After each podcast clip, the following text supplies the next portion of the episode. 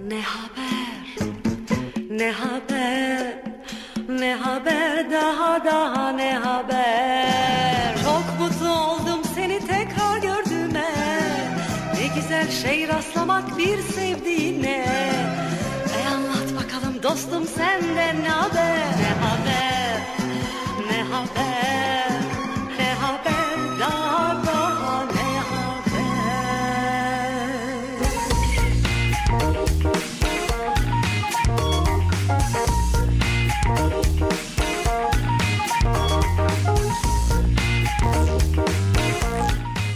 Yaşar Üniversitesi İnternet Radyosu Radyo'dan herkese merhaba. Tarihler 19 Şubat 2020.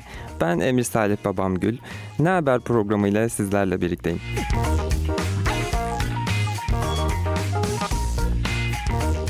Yine her hafta olduğu gibi e, hafta boyunca derlediğim e, haberleri size aktaracağım programda. Ancak bu hafta e, biraz iyi hissetmiyorum, hasta gibiyim. E, bundan dolayı da biraz enerjim düşük olabilir yayın anında.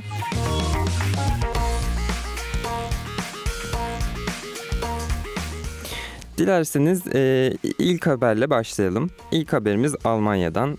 Berlin'de e, gerçekleşiyor olay. E, Berlin'de bir sanatçı, e, adı Simon Wickert, e, bir olay gerçekleştiriyor. Teknolojiyle ilgili e, bizi aydınlatabilecek bir e, olay diye söyleyeyim size.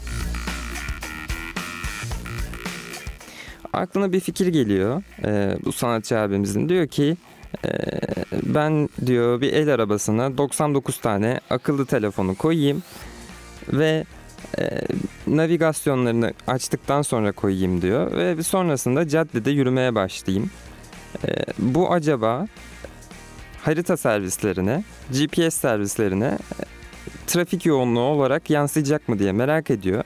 Ve 99 tane telefonu e, el arabasına koyduktan sonra bir yolda yürümeye başlıyor. Sonrasında tabii ki e, ekran görüntüleri alınıyor yürümeye başladıktan sonra e, harita servislerinden. Aslında bomboş olan bir caddede el arabasıyla yürürken bir anda harita servislerinde o cadde dolu olarak görünüyor. Yani trafik yoğunluğu varmış gibi gösteriliyor. 99 tane telefon e, orada bulunduğu için GPS'i açık bir şekilde. Tabii ki tahmin edilebileceği üzere e, ne kadar çok GPS kullanıcısı e, ya da telefon bulunuyorsa bir cadde üzerinde trafik yoğunluğu bununla hesaplanıyor. Bu tahmin edilebilir bir durum zaten. Belki de o anda acil bir durum olacaktı falanı konuşur herkes. Türkiye'de yapılsa bu durum. Hani trafik var oradan gitme dedim yolu uzatalım diye acil bir durumda belki de insanlar yolu uzatacaktı falan tartışması yapılırdı büyük ihtimalle Türkiye'de. Belki Almanya'da da yapılmıştır. Zaten Yandex haritalarda da geçtiğiniz noktaya not bırakabiliyorsunuz. Biliyor musunuz bilmiyorum. Buna değinmiş olayım. Biz bu durumu da bu bildiri şeklinde de bir noktada komik kullanan insanlardan oluşuyoruz ülkede, Türkiye'de. İşte oraya farklı notlar, farklı mesajlar bırakabiliyor bazı kişiler. Ee, sosyal medyada denk gelmişsinizdir diye düşünüyorum. Ben e, daha önce denk geldim birkaç kez. Ne bileyim sağdaki kahvecinin kahvesi çok güzel geçerken için. Solda AVM'de yeni bir mağaza açılmış. Oraya uğrayın. Harita üzerinde trafikle ilgili bilgi almayı hedeflerken bir anda bu mesajları görebiliyorsunuz. Şimdi kısa bir müzik arası verelim. Daha sonra ben tekrar burada olacağım.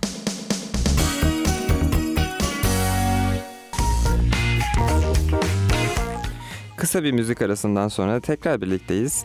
Sıradaki haberimizde e, Sevgililer Günü'nde yaşanan bir olaydan bahsedeceğim. Sevgililer Günü'nde Gaziantep'te bir olay yaşanıyor. E, Reşat Yaşar isimli abimiz e, sevgilisinden ayrılması sonrasında sevgilisinin ona söylediği bir sözden dolayı biraz alınıyor ve e, bir olay gerçekleştiriyor. 14 Şubat Sevgililer Günü'nde e, üzerine acil bir sevgili arıyorum yazdıktan sonra yazılı bir e, kıyafet giydikten sonra altına cep numarasını yazdıktan sonra sokağa çıkıyor ve kent merkezinde dolaşmaya başlıyor. Bir ay öncesinde e, sevgilisinden ayrılmış Reşat Yaşar. Onun yaşlandın kimse seni beğenmez ithamından sonra ben de onu protesto etmek için böyle bir yola başvurdum e, diye açıklama yapmış insanlara da. Sevgililer gününde bir e, sevgili bulmayı umut ettiğinde habercilere açıklamış. E, tabii insanlar da şaşkınlıkla bakıyorlar üzerindeki yazıya ve e, duruma. Ve sonrasında tebrik de edenler olmuş. Cesaretinden dolayı tebrik etmişler ve fotoğraf çekilmişler. Sevgililer günde yalnız girmek istemeyen e, bir kişi daha böylece haberlere konu olmuş oldu. Ama bu tabii ki e, akla gelen ilk seçenek de denilebilir. Hani 14 Şubat'ta nasıl sevgili bulursunuz deseler en basit akla gelebilecek ilk seçenek olarak üstüme herhalde acil bir sevgili arıyorum yazıp sokağa çıkmak gelebilir. Kıyafetin ön kısmında acil bir sevgili arıyorum yazıyor. Ee, arka kısmında ise duyurulur bu yıl da sevgilisizim. Yeter artık bir sevgilim olsun yazıyor. Bir noktada tabii ki az önce de söylediğim gibi ciddi değil. Ayrıldığı sevgilisini e, bir noktada protesto ediyor burada Reşat Yaşar amcamız. Şimdi kısa bir müzik arasına gidelim. Daha sonra ben tekrar burada olacağım.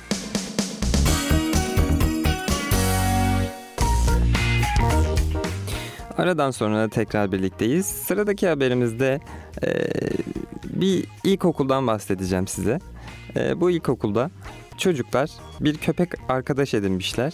Bu arkadaşı mezarlıkta bulmuşlar ve okulda beslemeye başlamışlar daha sonrasında. Adına da fındık demişler. Peki olay nerede geçiyor? Tokat'ın Turhal ilçesinde bir ilkokulda Köpeği mezarlıkta bulduktan sonra okulun bahçesinde bir kulübe yapıyorlar köpeğe yaşaması için. Ve sonrasında köpekle birlikte okulda zaman geçirmeye başlıyor çocuklar. Gel zaman git zaman sonrasında çocuklarla birlikte bu köpek de derslere girmeye başlıyor ve çocuklar köpeğe isim veriyorlar. Fındık diyorlar bu küçük köpeğe. Derslere girmeye başlayınca da tabii esprisi de olmuş okulda. E, demişler ki madem derslere giriyor bir önlük de giysin derslere girerken. Ve sonrasında okulun okul aile birliği sorumlusu bir ablamız da e, bu küçük fındık için bir önlük dikmiş ve okula getirmiş. E, okulda fındığa giydirmişler bu önlüğü ve gayet sempatik görünen bir hal almış. Yani haberdeki resimlerde gayet çocuklarla birlikte derse girmiş. Onlarla birlikte zaman geçiriyor. Yani baktıkça çocukken keşke benim de böyle bir öğrencilik hayatım olsaydı dedirten görüntüler hani sınıf içinde. Evdeki evcil hayvanınız gibi yanınızda bir köpek oturuyor ve onunla birlikte ders dinliyorsunuz, ders işliyorsunuz.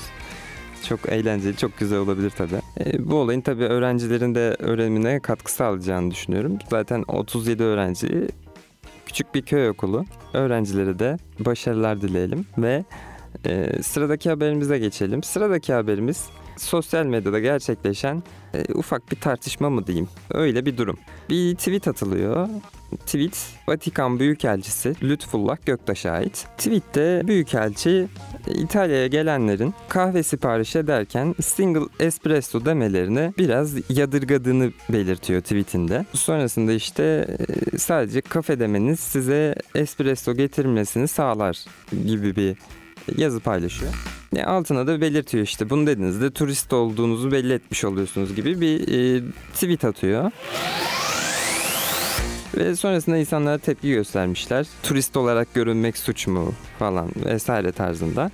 Olay büyümüş sosyal medyada. İnsanlar bol bol konuşmuşlar bu durum üzerine. Tahmin edebileceğiniz üzere e, yemek denince akla gelen, tat denince Türkiye'de akla gelen kişilerden biri araya girmiş ve bir açıklama yapmış. Vedat Milor açıklamasında demiş ki İtalya'ya gidenler için asıl sorun espresso değil latte demiş. Şimdi kafalar karışıyor böyle anlatınca, düşününce de sıraya. Haberlerde de bu şekilde geçiyor. Espresso da içimi zor bir kahvedir ya bildiğiniz üzere. Bitirene kadar aldıysanız biraz zorlanırsınız. Yanında illaki böyle tatlı bir şeyler olması gereken bir kahve bence. Ama tatlı tüketimi de bazen çok sağlıklı olmayabiliyor.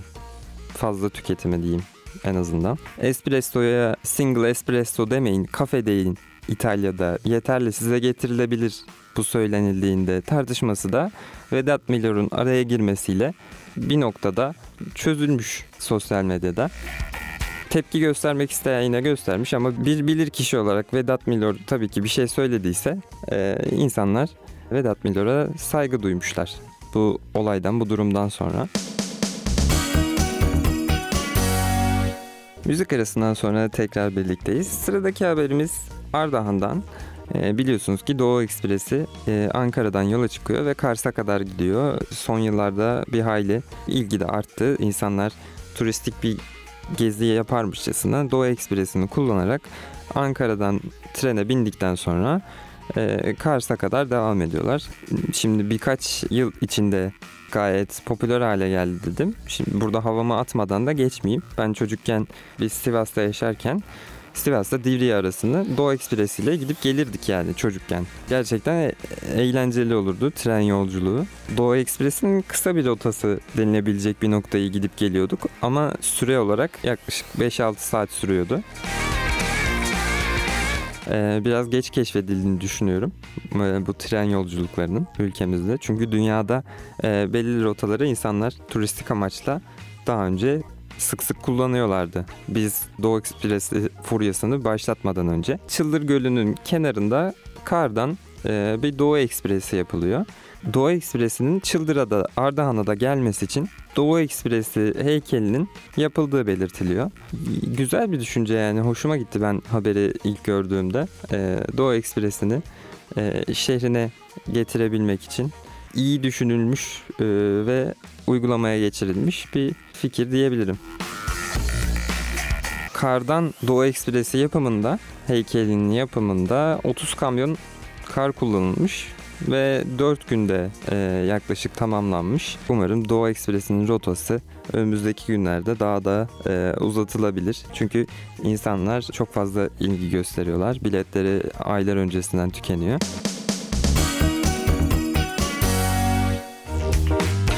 Ee, geçtiğimiz günlerde e, Dünya Ekonomik Forumu e, küresel sosyal hareketlilik endeksini e, paylaştı ve e, Danimarka küresel sosyal hareketlilik endeksinde e, birinci gösterildi.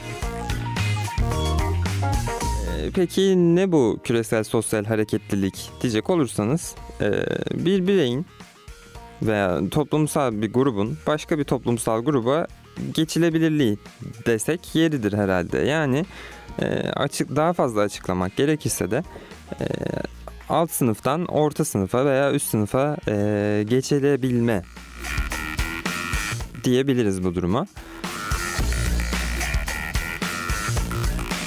Ama e, açıklanan listede bir dengesizlik var tabii ki.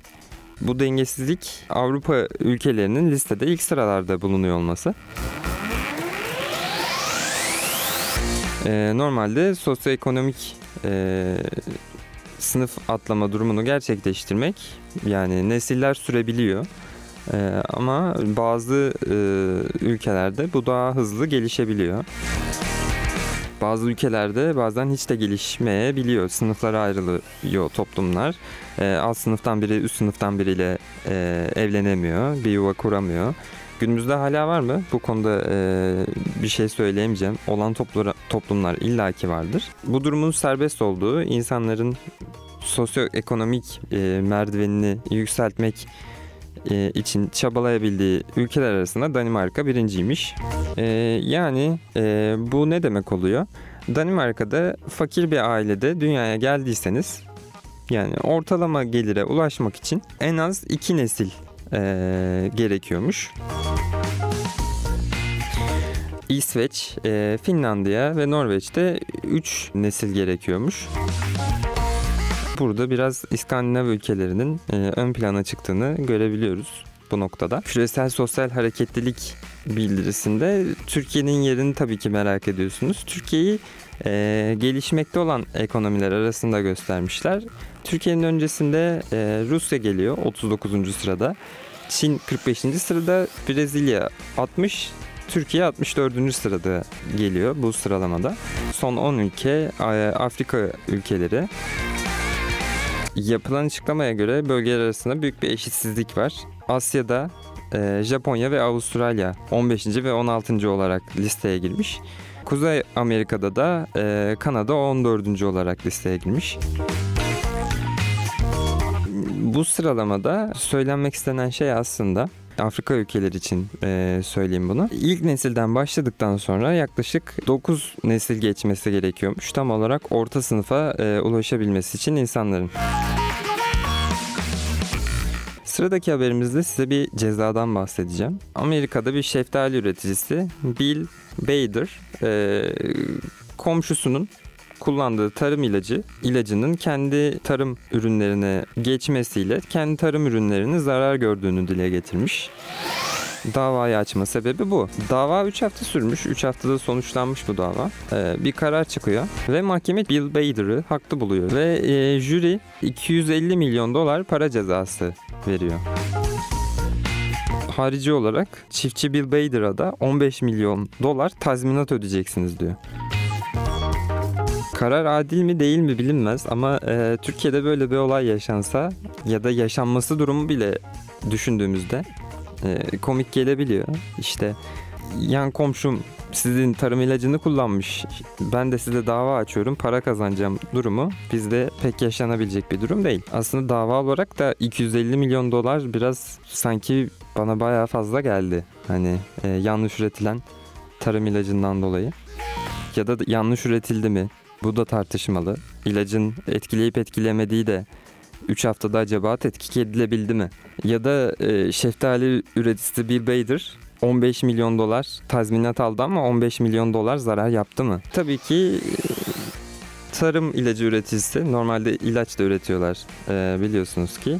Jüri kararına mahkemeden çıkan e, itiraz edeceklerini bildirmiş. E, itiraz etmeleri gerekiyordu zaten. Yaklaşık 265 milyon dolar e, kasasından çıkacak eğer itiraz sonucunda karar değişmezse e, Alman ilaç ve kimya şirketi e, bu haberle de son haberimi e, size aktarmış oldum.